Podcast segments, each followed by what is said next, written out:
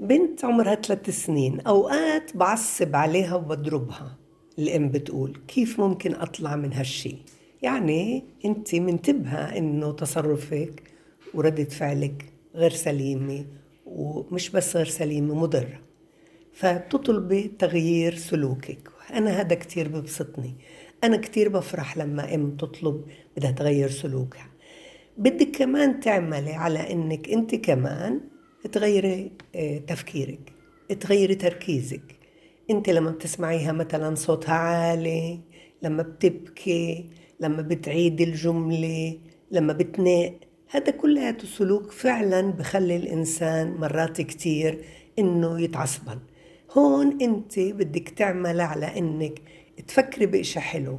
اللي فيه تعلميها إنك أنت عندك صبر. بهذه الطريقة بس أما كيف توقفي عن العصبية بدك دغري تنتبهي. وهذا أهم إشي في إنه نغير سلوكنا. أنتبه مش أتعصبن وبعدين أنتبه. أنتبه إني بدأت أعصابي تتوتر. بديت بدي إني آه، أصير عصبية. هون انتقلي من محلك روحي اشربي اطلعي امشي.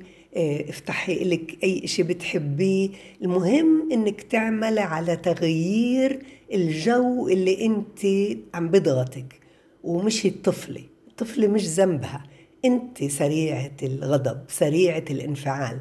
وهاي سرعة الانفعال بدها تدريب وشوي شوي بتصيري تعملي توفيق مع النق تبعها ومع أسلوب تعاملك. وهيك يوم ورا يوم بعد ما تغيري طريقة تفكيرك وتراقبيها وتنتبهي لأنك بلشتي تنفعلي بتوقف معك هاي العادة. هاي عادة انت تعودتي عليها بدك توقفيها. تراقبي فكرك تراقبي شعورك تراقبي الحالة اللي قاعدة بتجرك لأنك تبطلي على طبيعتك وتغيريها بأنك تغيري المكان تغيري تفكيرك.